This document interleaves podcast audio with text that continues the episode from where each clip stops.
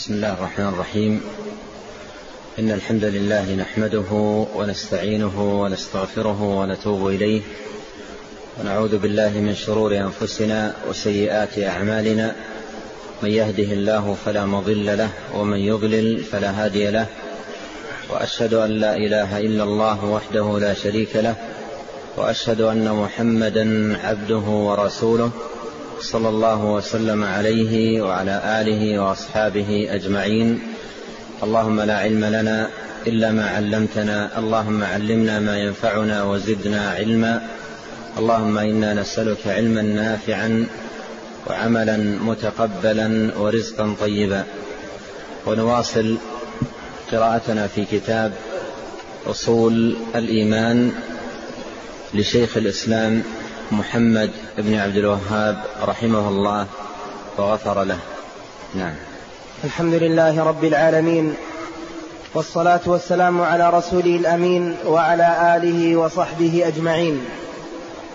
قال شيخ الإسلام محمد بن عبد الوهاب رحمه الله تعالى وغفر له وللشارح والسامعين. قال وعن أنس بن مالك رضي الله عنه قال قال رسول الله صلى الله عليه وعلى آله وسلم لله أشد فرحا بتوبة عبده حين يتوب إليه من أحدكم.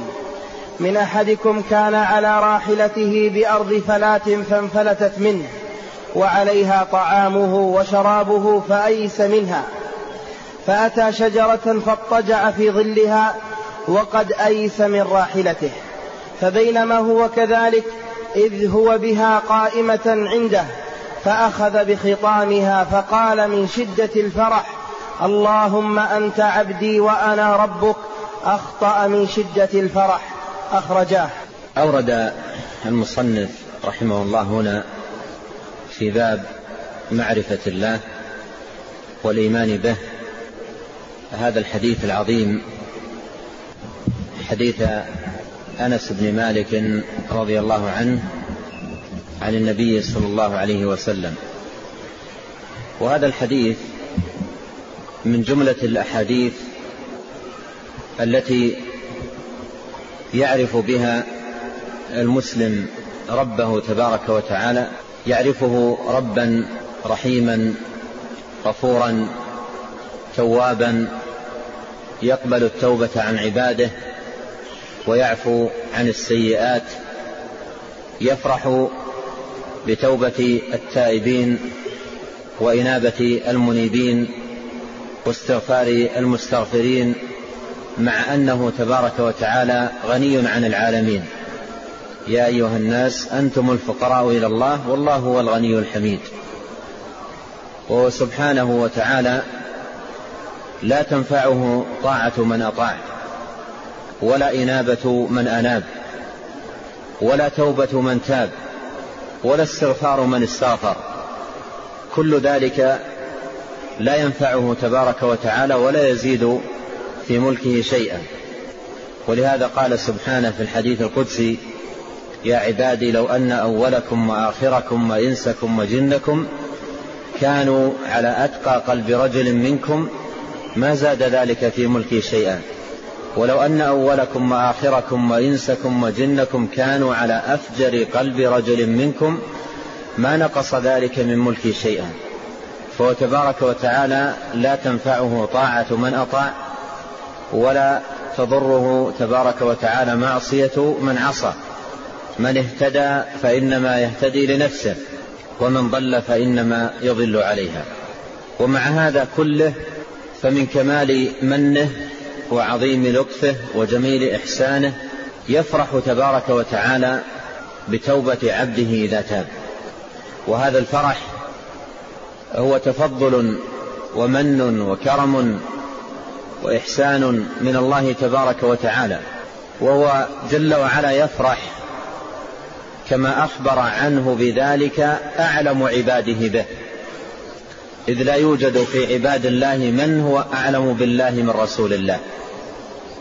عليه الصلاة والسلام. وقد صح عنه الحديث أنه صلى الله عليه وسلم قال إن أعلمكم بالله وأتقاكم لله أنا. فهو عليه الصلاة والسلام أعلم عباد الله بالله وهو لا ينطق عن الهوى. صلى الله عليه وسلم. وأخبر صلى الله عليه وسلم في هذا الحديث أن الله يفرح. فنحن نخبر عن الله بما أخبر عنه به رسوله ومجتباه. صلوات الله وسلامه عليه. نخبر عن الله بالذي أخبر عنه به رسول الله صلى الله عليه وسلم. فنقول مؤمنين معتقدين إن ربنا يفرح بتوبة التائبين. ولا نشك في ذلك ولا نرتاب. ولا ندخل في هذا الحديث أو غيره من أحاديث الصفات دخول المبطلين المعطلين الجاحدين المؤولين المحرفين. فكل هذه طرائق زائغة عن سواء السبيل. بل نمر نصوص الصفات كما جاءت ونؤمن بها كما وردت وقاعدتنا في هذا الباب من الله الرسالة وعلى الرسول البلاغ وعلينا التسليم.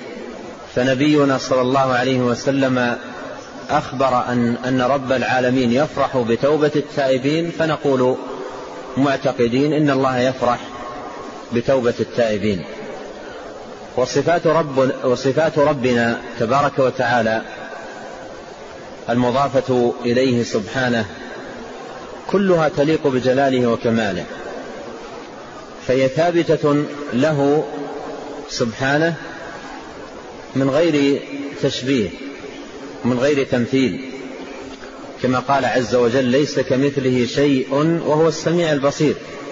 أثبت لنفسه السمع والبصر بعد نفي المثلية فدل ذلك على أن إثبات الصفات لله سبحانه على الوجه اللائق به لا يستلزم التمثيل. والقول في الصفات قول واحد وباب الصفات باب واحد وهو أنها كلها تمر كما جاءت ويؤمن بها كما وردت دون أن تحرف ودون أن تعطل ودون ان أن تمثل بصفات المخلوقين ودون أن يحاول العبد تكييف صفات الرب تبارك وتعالى فكل ذلك ضلال وباطل. فمن فمن الإيمان بالله فمن الإيمان بالله ومن معرفة الله الإيمان بأنه يفرح بتوبة التائبين.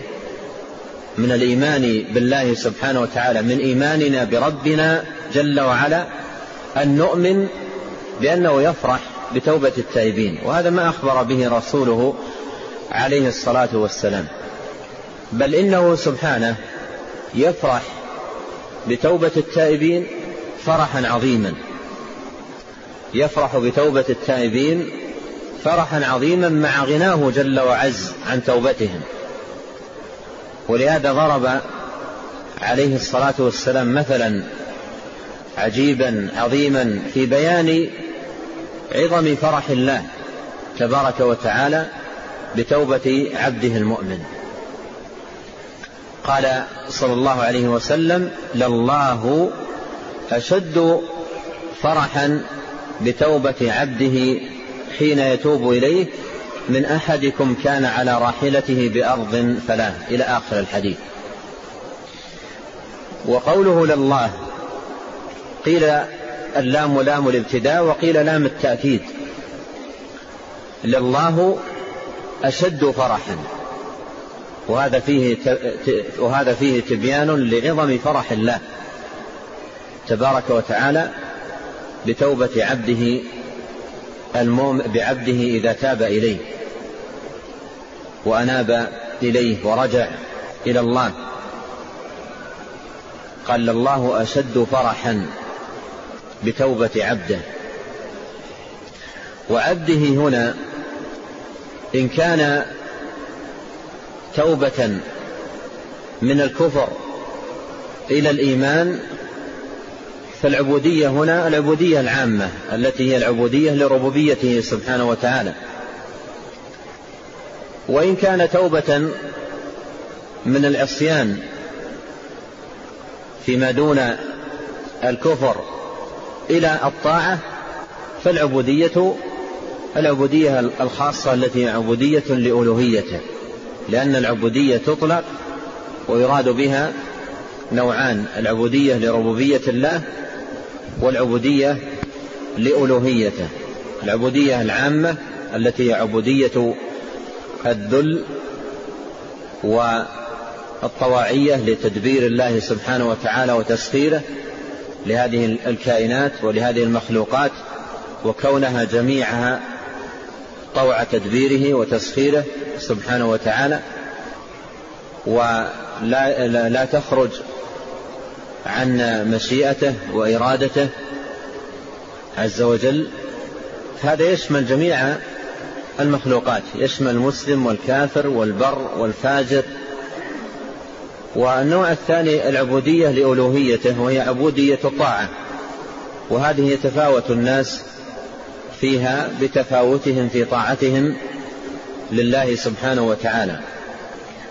قال لله أشد فرحا بتوبة عبده حين يتوب. بتوبة عبده حين يتوب. وهنا ينبغي أن يفقه ما يفرح الرب به وهو التوبة توبة العبد. والتوبة هي إنابة العبد ورجوعه إلى الله عز وجل بتركه ما فرط فيه من واجب ترك التفريط في الواجبات وترك ما كان يغشاه من محرمات ومنهيات. بالرجوع إلى الله سبحانه وتعالى وذلك بفعل ما أمر وترك ما نهى عنه وزجر. فالتوبة رجوع بترك التفريط في الواجب وترك فعل المحرم والعودة إلى الله عز وجل والانابه إليه بفعل ما أمر وترك ما نهى عنه تبارك وتعالى وزجر. هذه حقيقة التوبة التي دعا الله سبحانه وتعالى عباده إليها وأمرهم بالنصح فيها. توبوا إلى الله توبة نصوحا أن يكون ناصحا في توبته. والتوبة التي امتدح الله عز وجل أهلها وعظم شأنهم وأخبر عن فرحه تبارك وتعالى بتوبتهم وذكر أنه يحبهم إن الله يحب التوابين وذكر لهم فضائل وثمار وآثار ينالونها في الدنيا والآخرة. أهل التوبة هم من استجمعت توبتهم شروطا لأن التوبة لا تكون مقبولة إلا إذا استتمت شروطها التي دل عليها كتاب الله وسنة نبيه عليه الصلاة والسلام. وأولها أن يكون التائب في توبته تائب إلى الله عز وجل مخلصا يبتغي بتوبته وجه الله. لهذا قال توبوا إلى الله قال توبوا إلى بارئكم. فالتوبة إلى الله سبحانه وتعالى. والنبي عليه الصلاة والسلام في قصة الأسير التي سبق أن أشرت إليها لما أعلن ذاك الأسير توبته قال إني تائب إني أتوب إلى الله ولا أتوب إلى محمد. قال عليه الصلاة والسلام عرف الحق لأهله. عرف الحق لأهله فالتوبة لله. توبوا إلى الله. ولهذا لا بد أن يكون التائب في توبته مخلصا. يبتغي بتوبته وجه الله سبحانه وتعالى. يريد بها الله عز وجل والدار الآخرة. لا يتوب من أجل شهرة يطلبها أو مراءة يقصده أو شيئا من هذه المقاصد وإنما يتوب يبتغي بتوبته رضا الله عنه وأن لا يسخط ربه تبارك وتعالى عليه وأن يحظى بثوابه تبارك وتعالى للتائبين. فهذا الشرط الأول. أن, أن, أن تكون التوبة خالصة لله عز وجل. والشرط الثاني أن يندم التائب على ذنوبه وتفريطه وتقصيره ووقوعه في المحرمات. يندم على ذلك ندما شديدا ويأسف على ما كان منه من من تقصير في جنب الله. وفي طاعة الله وفي القيام بالواجبات التي أمر الله تبارك وتعالى بها يندم على ذلك. والأمر الثالث أن يعقد العزم على أن لا يعود إلى هذه الذنوب. يعزم في قلبه عزما أكيدا بينه وبين الله تبارك وتعالى أن لا يعود إلى هذه الذنوب وأن لا يقارف شيئا منها وأن يمضي على الاستقامة وعلى طاعة الله وعلى ما يرضي الرب تبارك وتعالى. والأمر الرابع أن يقلع عن الذنوب أن يقلع عن الذنوب. لا يسوف في الإقلاع وإنما يقلع عنها ويتركها ويقبل على الطاعات.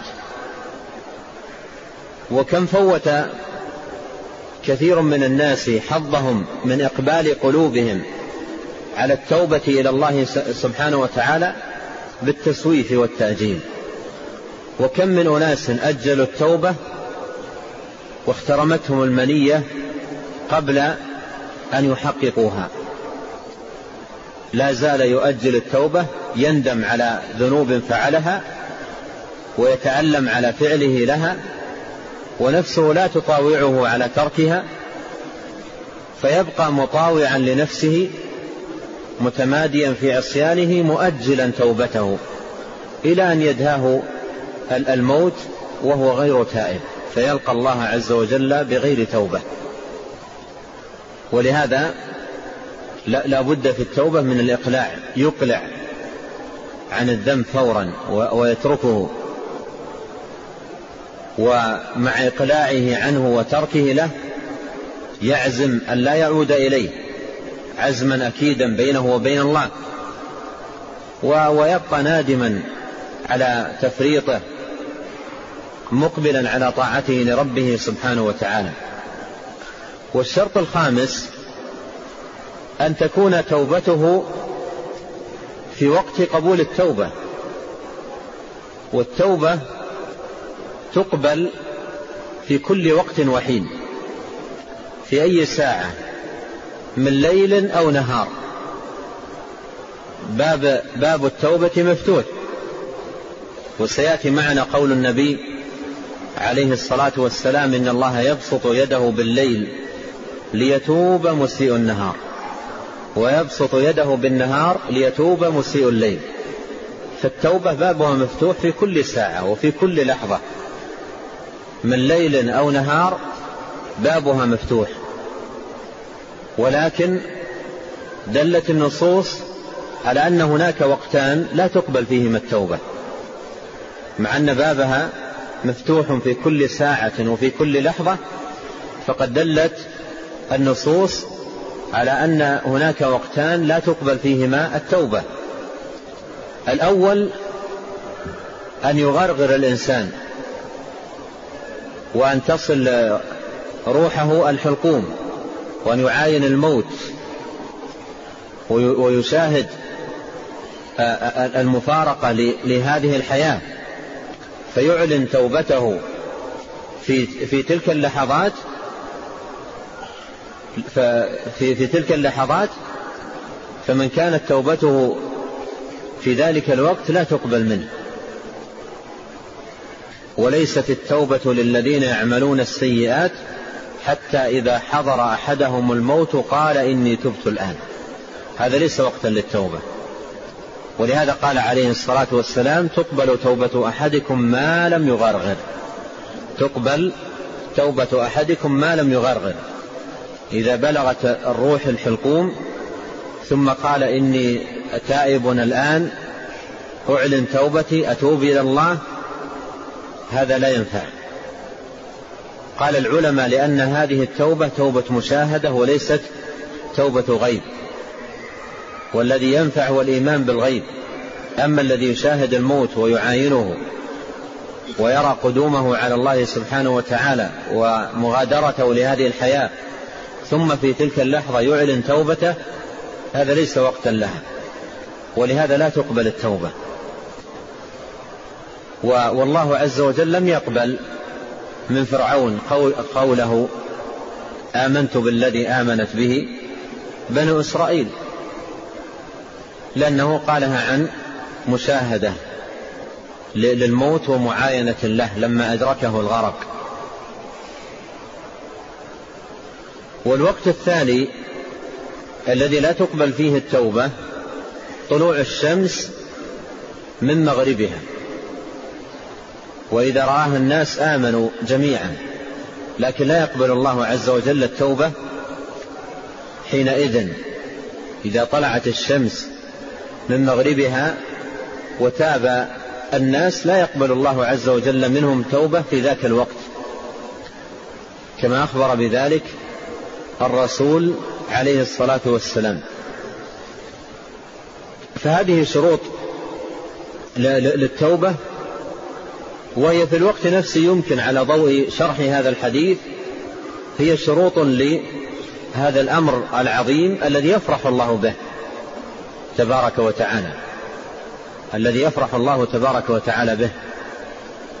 قال عليه الصلاة والسلام لله أشد فرحا بتوبة عبده حين يتوب إليه.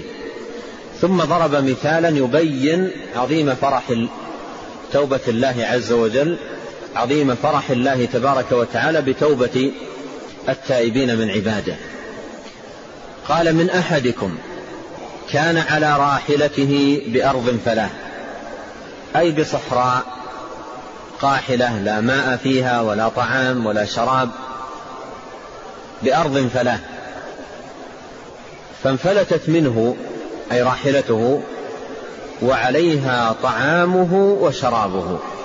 فأيس منها أي بحث عنها وطلبها هنا وهناك هو في الصحراء القاحلة فلم يجد لها أثر ولم يقف لها على عين ولا على خبر بحث ولم يجدها.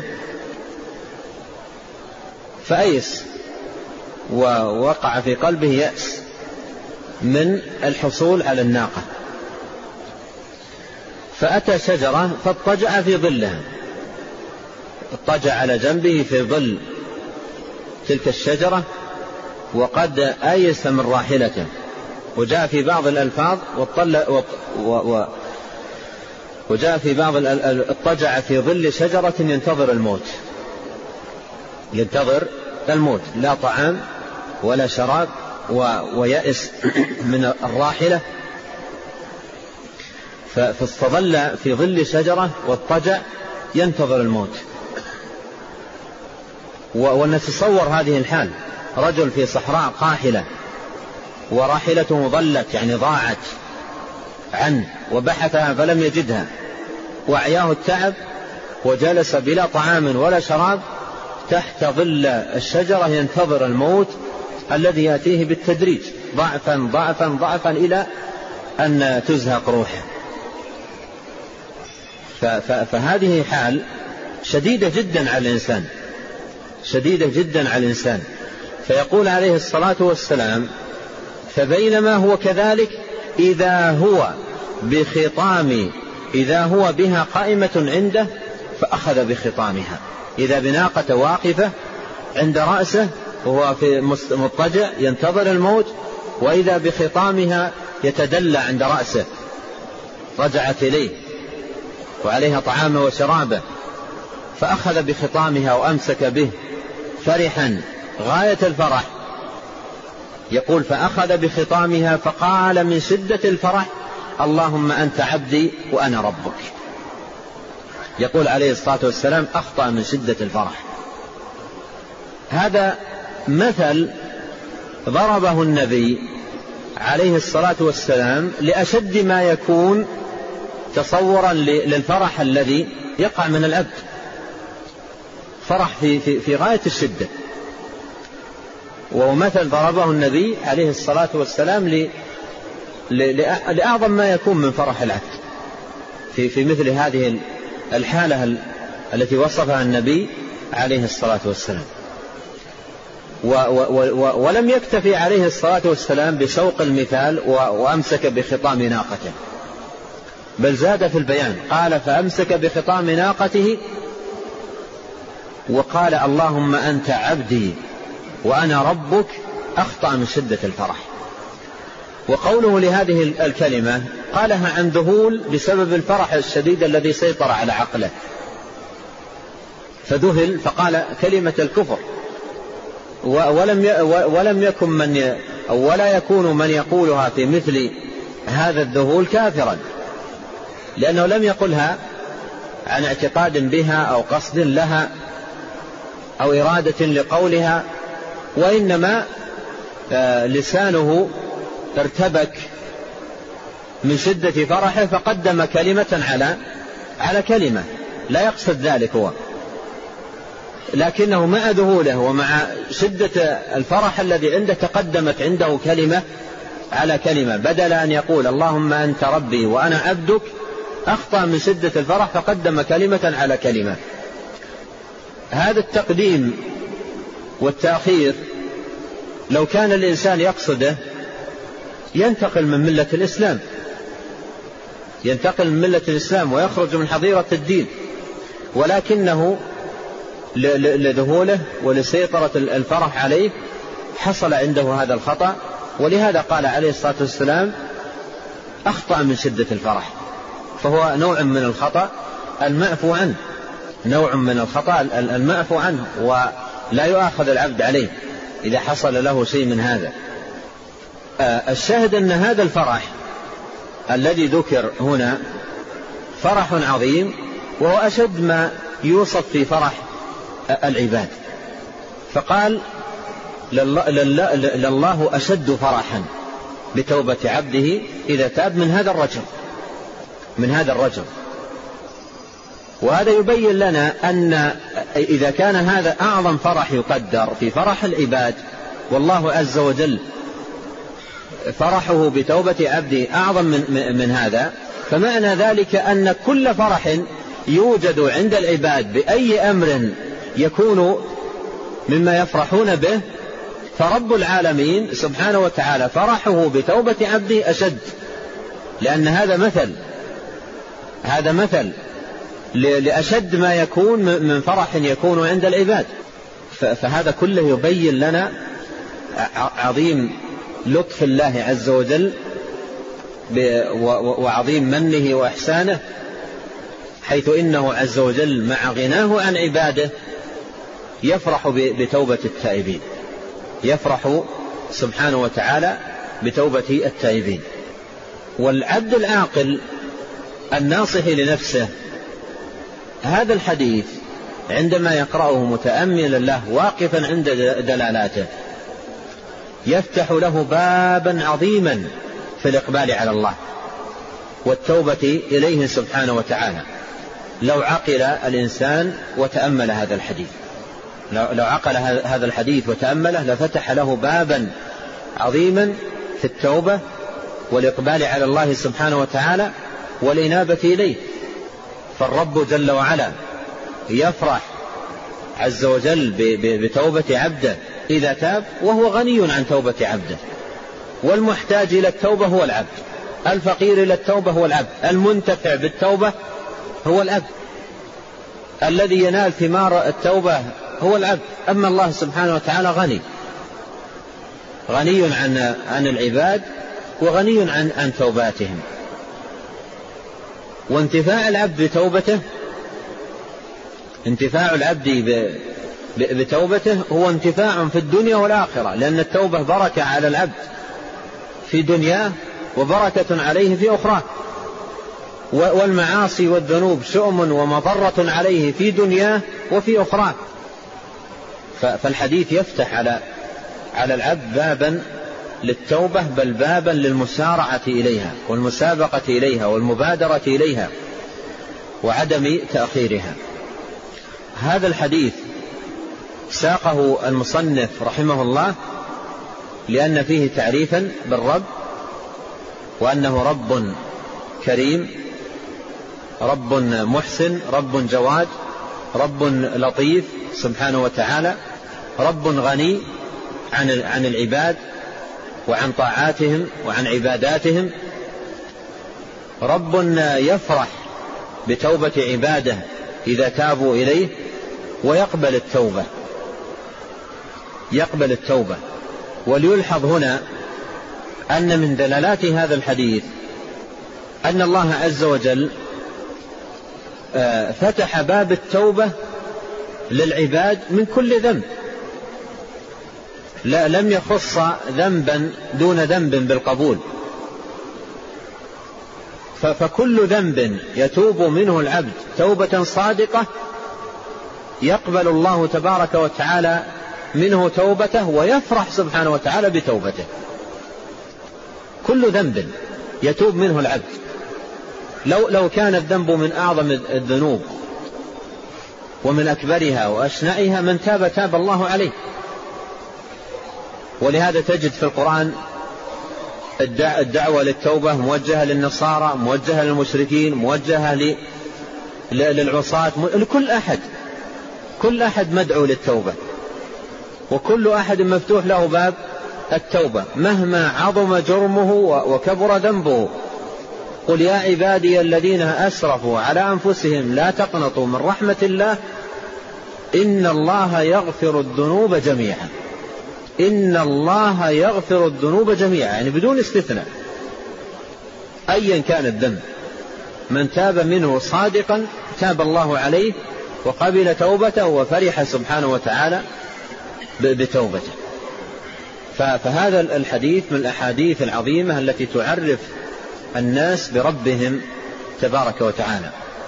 ومن عرف هذا الحديث حسن إقباله على الله. وزال عنه القنوط من روح الله وعظم رجاؤه في الله عز وجل وفي, وفي, وفي ثوابه. لم يسيطر عليه يأس يقيده أو قنوط عن الخير يحجبه بل إنه يقبل على الله عز وجل وينيب إليه ويكون تائبا أوابا. فالحديث يفتح للعبد أبواب عظيمة جدا من من أبواب الإقبال على الله سبحانه وتعالى.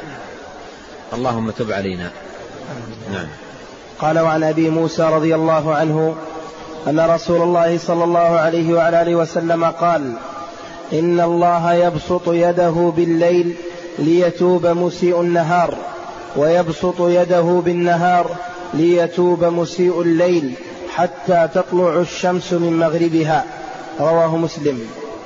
ثم أورد المصنف رحمه الله حديث أبي موسى الأشعري رضي الله عنه وأيضا من الأحاديث التي فيها التعريف بالرب تعريف العباد بالرب سبحانه وتعالى.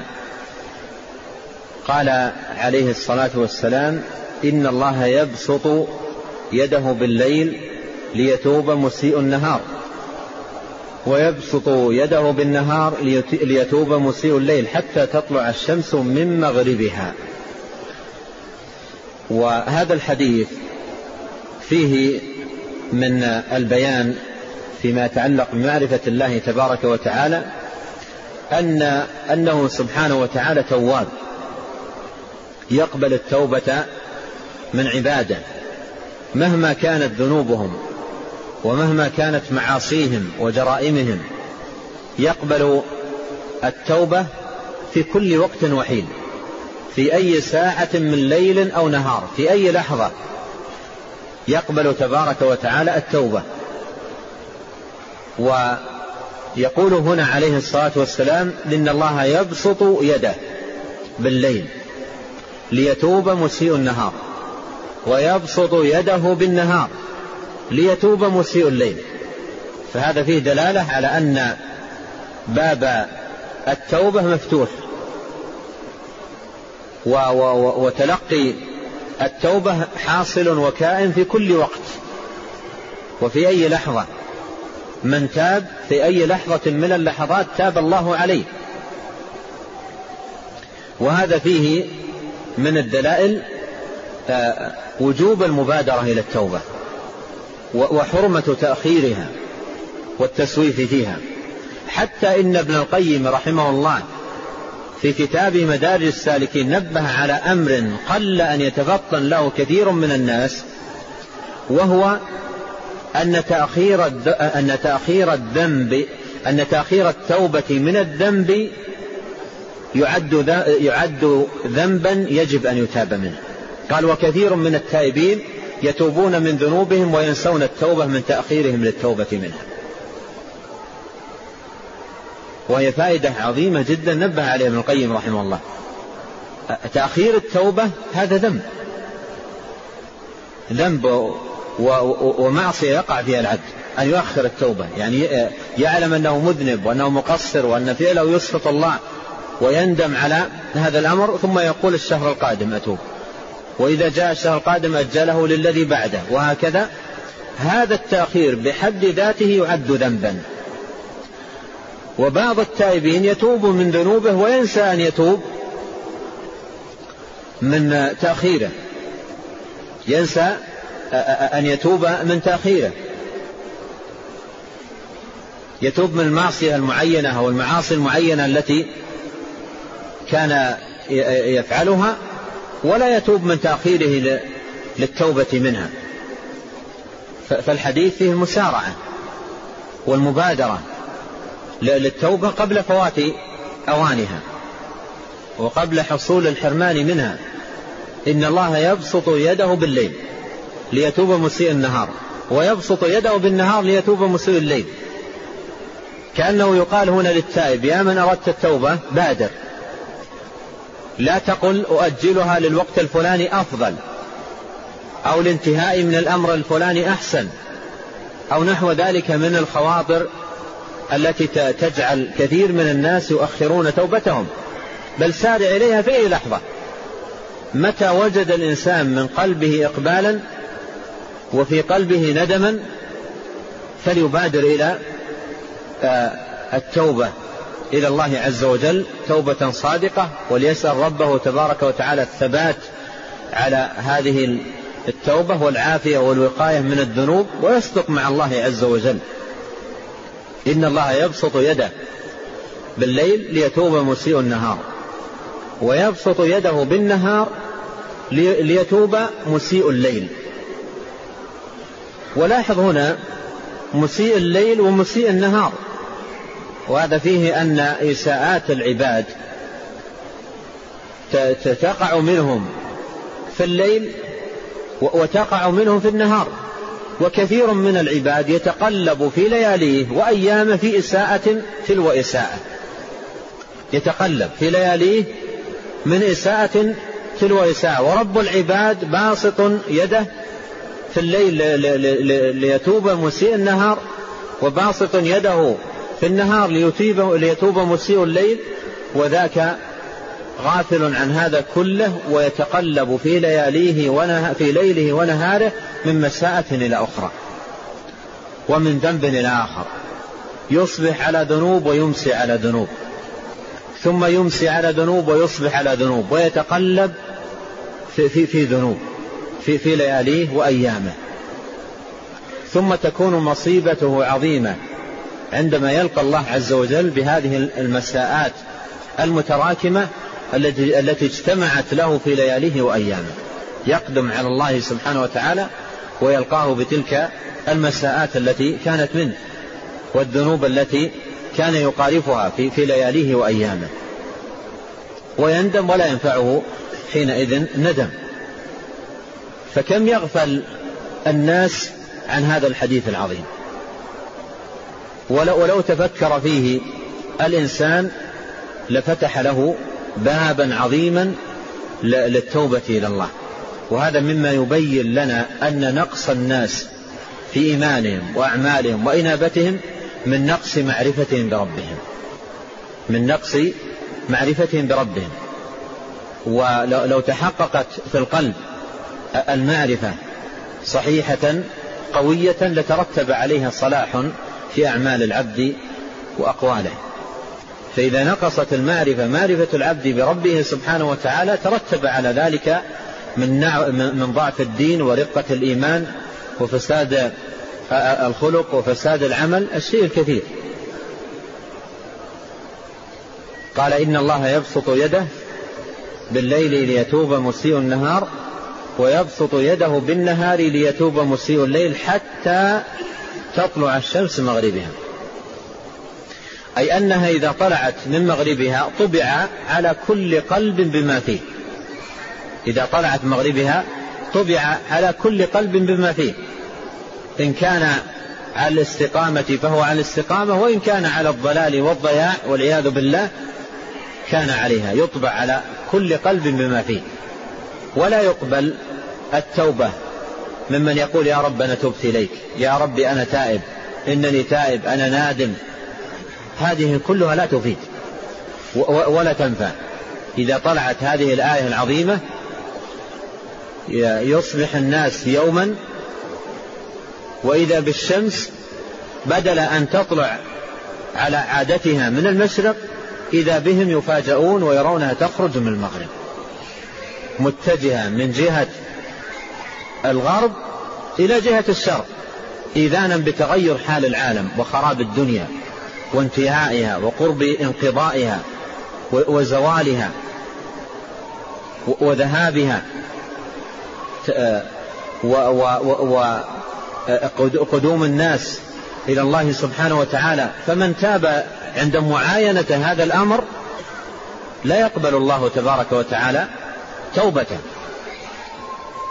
كما أنه أيضا لا يقبل توبته كما تقدم الإشارة عندما يعاين الموت. عندما يعاين الموت ويغرغر وتبلغ روحه حلقومة فهو في هذه الحالة أيضا لا لا تقبل منه توبته. العاقل عندما يسمع هذا الحديث العظيم يتحرك في قلبه آه، إقبالا على الله عز وجل ويقول لنفسه محاسبا معاتبا يا نفس إلى متى؟ إلى متى هذا التمادي في الإساءة؟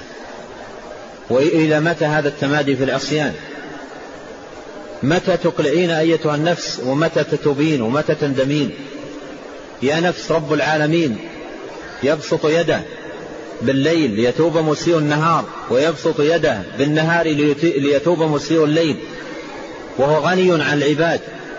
وأنت يا نفس لا تزالين مصرة على العصيان متمادية في الخطأ.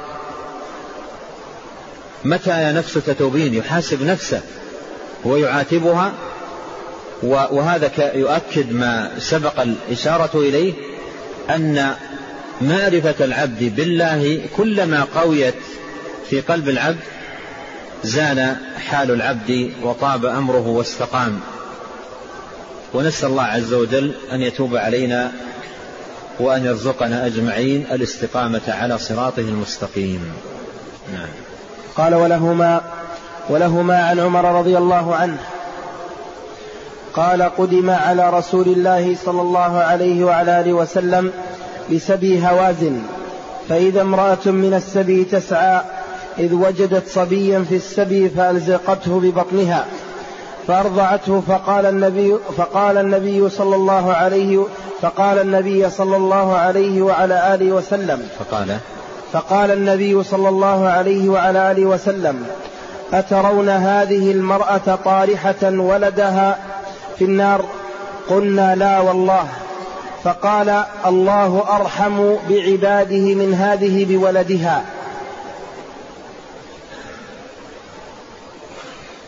ثم أورد المصنف رحمه الله هذا الحديث العظيم أيضا في باب التعريف تعريف العباد بالرب سبحانه وتعالى. ومن نصح النبي عليه الصلاة والسلام ومن عظيم بيانه في دلالة الناس وتعريفهم بالله معينة التي من خلالها عليه الصلاة والسلام يقوي في القلوب ويمكن في النفوس المعرفة بالله عز وجل. منبها بذلك عليه الصلاة والسلام أن معرفة الله عز وجل هي غاية المطالب وأجل المقاصد وهي الباب العظيم لهداية العبد وصلاح قلبه وصلاح أموره كلها. فكان عليه الصلاة والسلام ينوع البيان ويستغل المواقف ليمكن في, في القلوب المعرفة بالله تبارك وتعالى. وقد جاء عنه عليه الصلاة والسلام أحاديث كثيرة في ذكر رحمة الله جل وعلا وسعة رحمته وأنه تبارك وتعالى أرحم الراحمين. جل وعلا. واستغل عليه الصلاة والسلام هذا الموقف المثير للقلوب في في جانب قوة الرحمة. يشد القلوب شدا. موقف رآه الصحابة يشد القلوب شدا في جانب الرحمة والإحساس بقوتها. فاستغل هذا الموقف عليه الصلاة والسلام لبيان عظيم رحمة الله سبحانه وتعالى. جاء في الصحيحين من حديث عمر بن الخطاب رضي الله عنه قال قدم على رسول الله صلى الله عليه وسلم بسبي هوازن. فإذا امرأة من السبي أي من جملة هذا السبي تسعى يعني تجري وتعدو هنا وهناك تبحث عن ولدها ولدها طفلها رضيعها. تبحث عنه.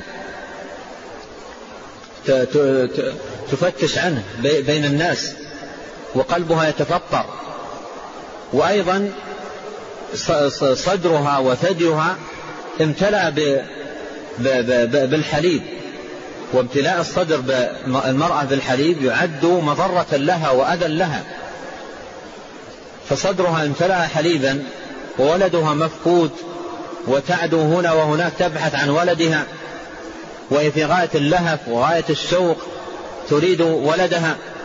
بينما هي كذلك إذا وجدت صبيا في, السبي فأخذته أخذته فألزقته ببطنها.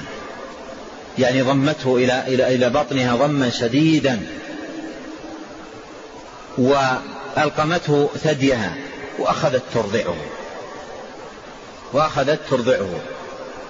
هذه الرحمة التي في هذه المرأة في جريها و و و وبحثها عن هذا الولد وسعيها وراءه ثم إلزاقها له وضمها إلى إلى إلى صدرها بحنان وعطف ورحمة. هذه الرحمة ما هو قدرها؟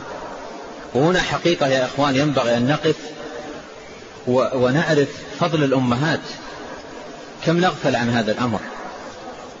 كم يغفل الناس عن فضل الأم ورحمتها وحنانها وإحسانها؟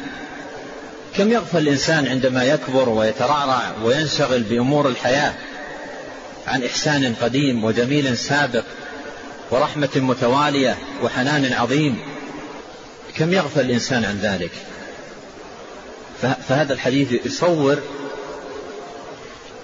يصور الرحمة العظيمة التي جعلها الله سبحانه وتعالى في قلب الأم لوليدها.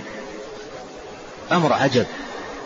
حتى إن النبي عليه الصلاة والسلام لما أراد أن يبين عظم رحمة الله عز وجل أو عظم رحمة الله عز وجل بعباده اختار أعظم مثل يمكن أن أن يقدر ويوصف وهو رحمة الأم بوليدها. وإذا أراد الناس أن يضربوا مثلا في رحمة الناس بعضهم ببعض لا يجدون مثلا أعظم من رحمة الأم بولدها والنبي عليه الصلاة والسلام لما اختار هذا المثل اختار المثل في أعظم شيء في بابه. أعظم شيء في بابه ورحمة الأم بولدها. ليس هذا ليست هذه الرحمة في في في في الأم من بني آدم حتى في الحيوانات. سبحان الله الحيوان الوحش الضاري جعل الله سبحانه وتعالى في قلبه رحمة لولده. رحمة عجيبة جدا. حتى إن إنه يرفع خفه وحافره لا يطأ لا يطأ ولده. مع أنه وحش ضاري. رحمة جعلها الله سبحانه وتعالى في في قلب الأم عجيبة جدا. ثم في كثير من الناس تتلقى هذه الرحمة بعقوق وجحود وإساءة وغلظة وفظاظة وينسى ذاك المعروف العظيم. وهذا كله من نقص العقول ونقص الدين ولأجل عظم حق الوالدين وحق الوالدة على على وجه الخصوص قرن الله سبحانه وتعالى حقها بحقه في أكثر من آية في القرآن الكريم. قضى ربك ألا تعبدوا إلا إياه وبالوالدين إحسانا واعبدوا الله ولا تشركوا به شيئا وبالوالدين إحسانا. والآيات في هذا المعنى كثيرة. أن اشكر لي ولوالديك. فيقول عليه الصلاة والسلام لما رأوا هذا المنظر العجيب من الرحمة المتدفقة والحنان العظيم من هذه المرأة بصبيها ولدها وضمته إلى صدرها وأخذت ترضعه بكل حنان وكل شفقة فانتهز النبي عليه الصلاة والسلام. هذه المناسبة لتعريف الناس بعظيم رحمة الله. قال لهم أترون هذه المرأة طارحة ولدها في النار؟ أترون هذه المرأة طارحة ولدها في النار؟ يعني هل هذه المرأة التي بهذه الصفة وبهذه الحال التي رأيتم هل تتصورون أنها تأخذ هذا الولد الذي أرضعته وتلقيه في وسط النار؟ رحمتها تمنعها من ذلك. وتمنعها من أمور أقل من ذلك. تمنعها من ذلك وتمنعها من أمور أقل من ذلك. فيقول هل تتصورون أن, أن هذه المرأة تلقي ولدها في النار؟ قال الصحابة قلنا لا والله ما يمكن. يعني رحمة بهذا الحجم وبهذا القدر ما يمكن تلقي ولدها في النار. قال عليه الصلاة والسلام قال عليه الصلاة والسلام الله أرحم بعباده من هذه بولدها. الله أرحم بعباده من هذه بولدها. وهذا المعنى موجود في القرآن وهو أرحم الراحمين. هو أرحم الراحمين.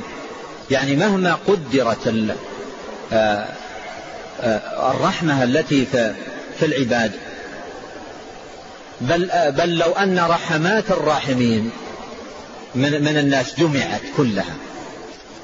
رحمات الراحمين كلها جمعت. وأصبحت رحمة واحدة. كل رحمة وجدت في الناس جمعت وأصبحت رحمة واحدة. فالله عز وجل أرحم جل وعلا. أرحم بعباده من كل رحمة تقدر. عند العباد. وهذا أيضا من الدلائل العظيمة والشواهد البينة على أن صفات الله سبحانه وتعالى لا لا يدرك كنهها الواصفون. ولا ولا يمكن أن, أن تقدر. كل ما يخطر ببال الإنسان من من كمال يظنه وصفا لله فالله أكمل وأعظم. لأن صفاته سبحانه وتعالى لا يبلغ كنهها الواصفون. مهما قدر الإنسان في في في في في, في ذهنه من كمال وجلال وعظمة.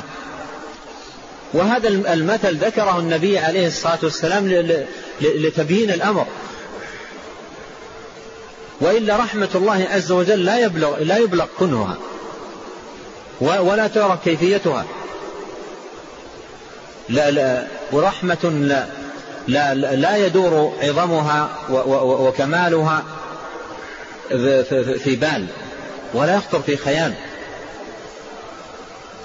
وكيف وكيف يبلغ كنه رحمته أو صفاته الواصفون وهو سبحانه وتعالى الكبير المتعال.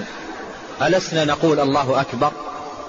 الله أكبر من كل شيء والله أكبر من كل ما يدور في خيالنا أو في خواطرنا.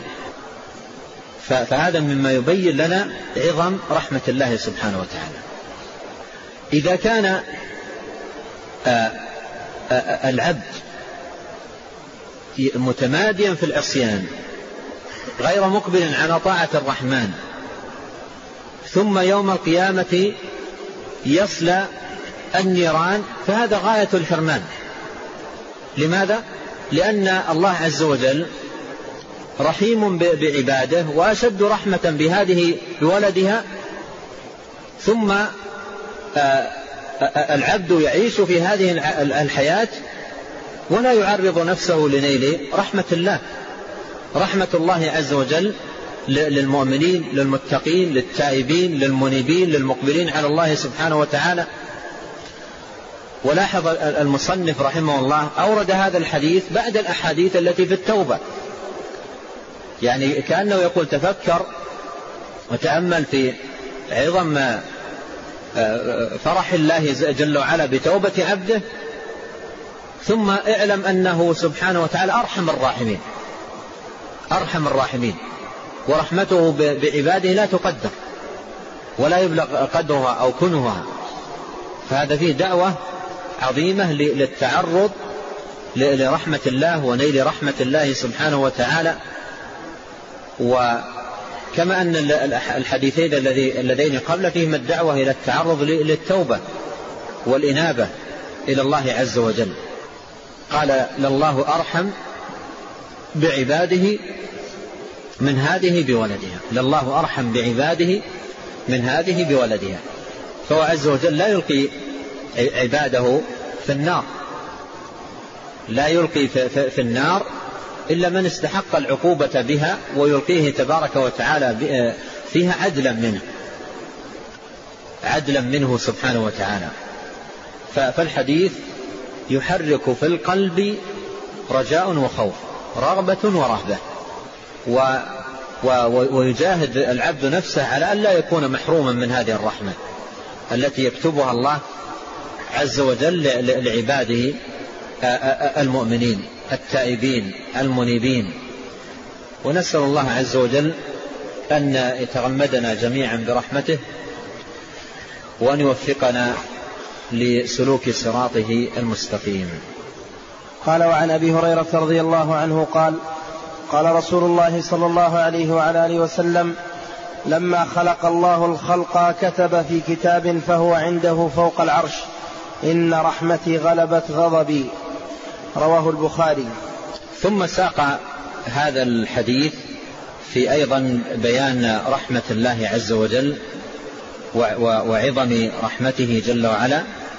قال لما خلق الله الخلق كتب كتابا كتب في كتاب فهو عنده فوق العرش. فهو عنده فوق العرش. عنده أي عند الله. فوق العرش أي العرش المخلوق العظيم. الذي ذكره الله عز وجل في القرآن وذكر جملة من صفاته وذكره النبي عليه الصلاة والسلام في السنة وذكر جملة من صفاته وهو سقف المخلوقات وأعلاها وأرفعها وأخبر جل وعلا في القرآن في سبع آيات أنه استوى على العرش استواء يليق بجلاله فهو سبحانه علي على خلقه مستو على عرشه استواء يليق بجلاله وكماله سبحانه. وقد كتب كتابا لما خلق الخلق كتب كتابا وهو عنده سبحانه وتعالى فوق العرش إن رحمتي سبقت آه، إن رحمتي غلبت غضبي وفي رواية سبقت غضبي. إن رحمتي غلبت غضبي. وهذا فيه كما بين أهل العلم تفاضل آه، الصفات. قال رحمتي سبقت سبقت غضبي. وأيضا مما يدل على هذا المعنى قوله عليه الصلاة والسلام اللهم أني أعوذ برضاك من سخطك ومن معافاتك من عقوبتك. فقال إن رحمتي سبقت غضبي. إن رحمتي سبقت غضبي. وهذا من الدلائل الدالة على عظيم رحمة الله تبارك وتعالى بعباده بأن رحمته سبحانه وتعالى تسبق غضبه. ولا ينال غضب الله تبارك وتعالى إلا الظالم المضيع المفرط الذي استحق غضب الله تبارك وتعالى عليه. نعم. قال ولهما عنه أن رسول الله صلى الله عليه وعلى آله وسلم قال جعل الله الرحمة مئة جزء. جعل الله الرحمة مئة جزء فأمسك عنده تسعة وتسعين جزءا.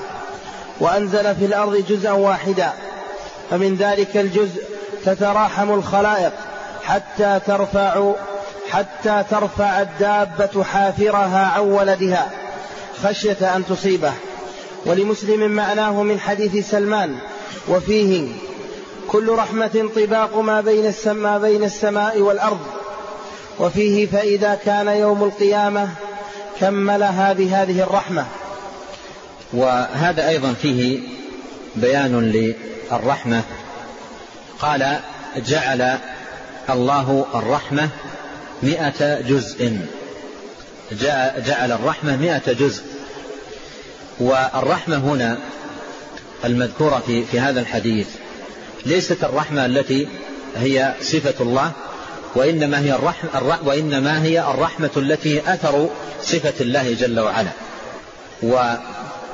وأن الله عز وجل لما جعل الرحمة أي الرحمة التي يتراحم بها المخلوقين جعلها مئة جزء. يعني قسم هذه الرحمة إلى مئة جزء. فأمسك عنده تسعة وتسعين جزءا وأنزل في الأرض جزءا واحدا. وأنزل في الأرض جزءا واحدا. فمن ذلك الجزء تتراحم الخلائق حتى ترفع الدابة حافرها عن ولدها خشية أن تصيبه. فهذه الرحمة الموجودة بين العباد من جملتها ما سبق ذكره في رحمة المرأة بوليدها. هذه رحمة آه، هي في الحقيقة جزء من مئة جزء. رحمة هي جزء من مئة جزء. وقد جاء في الحديث الآخر عند مسلم قال كل رحمة طباق ما بين السماء والأرض. يعني مئة جزء. وكل رحمة يعني كل جزء من هذه آه، الأجزاء طباق ما بين السماء والأرض. يعني يملأ ما بين السماء والأرض. يملأ ما بين السماء والأرض. وفيه إذا كان يوم القيامة كملها بهذه الرحمة يعني كمل المئة أو التسعة والتسعين جزء بهذه الرحمة.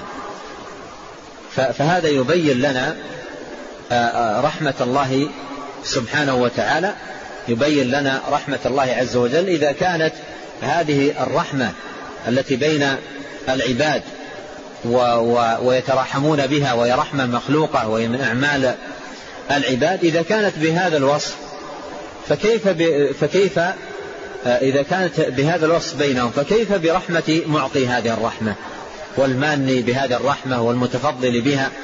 فهذا مما يبين عظيم رحمة الله سبحانه وتعالى لأن معطي الكمال أولى به ولله المثل الأعلى. قال وعن أنس رضي الله عنه قال قال رسول الله صلى الله عليه وعلى آله وسلم إن الكافر إذا عمل حسنة أطعم بها طعمة في الدنيا. وأما المؤمن فإن الله يدخر له حسناته في الآخرة ويعقبه رزقا في الدنيا على طاعته رواه مسلم. وهذا أيضا من الأحاديث التي تبين آه، وتعرف الناس بالله تبارك وتعالى وعظيم إحسانه ولطفه بعبده المؤمن. المنيب التائب المقبل على الله عز وجل وبيان الفرق بين حاله وحال الكافر. الكافر يعامله الله جل وعلا بعدله والمؤمن يعامله الله تبارك وتعالى برحمته ونواله وعطائه وفضله. ولهذا قال هنا إن الكافر إذا عمل حسنة أطعم بها آه، طعمة في الدنيا. أطعم بها طعمة في الدنيا. إذا عمل حسنة أي من الحسنات التي لا تفتقر لنية. لأنه لو صلى وهو على كفره أو, أو صام وعلى كفره أو غير ذلك وعلى كفره لا تعد حسنات. لكنه لو ساعد فقيرا أطعم محتاجا آه، إلى غير ذلك من أبواب الإحسان والمساعدات للناس فقال إذا عمل حسنة أطعم بها طعمة في الدنيا يعني يعطيها الله سبحانه وتعالى آه، شيئا في الدنيا. ويأتي يوم القيامة ليس عنده إلا إلا إلا سيئاته. وحسناته التي قدمها أخذ عليها حظه في الدنيا. فيلقى الله عز وجل بسيئاته فيطرح في النار ويبقى فيها مخلدا أبد الآباد. لا يقضى عليه فيموت ولا يخفف عنه من عذابها. وهذا يبين لنا أن الكافر بالله سبحانه وتعالى لو كان يقدم من الأعمال أمثال الجبال من النفقات والمساعدات والبذل والمعاملة باللطف وغير ذلك من الأمور كل هذه لا تشفع له يوم القيامة في النجاة من النار بل يعطيه الله عز وجل عليها في الدنيا من مثلا الولد أو مثلا الصحة أو التوسيع في المال أو العافية أو غير ذلك.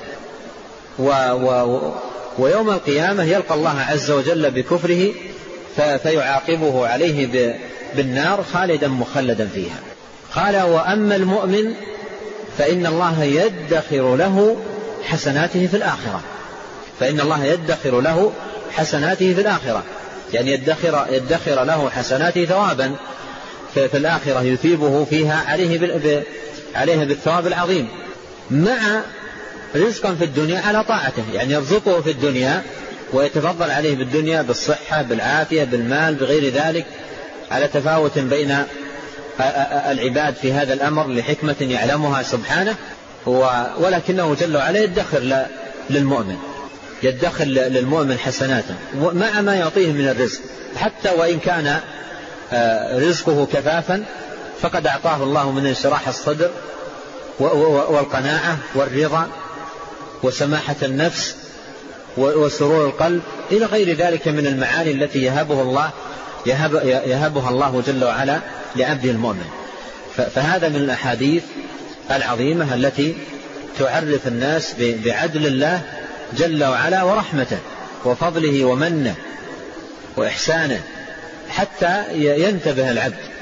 ويطرد الغفلة عنه ويقبل على الله سبحانه وتعالى لأنه إذا حسن إقباله على الله نال خير الدنيا والآخرة كما هو بين في هذا الحديث.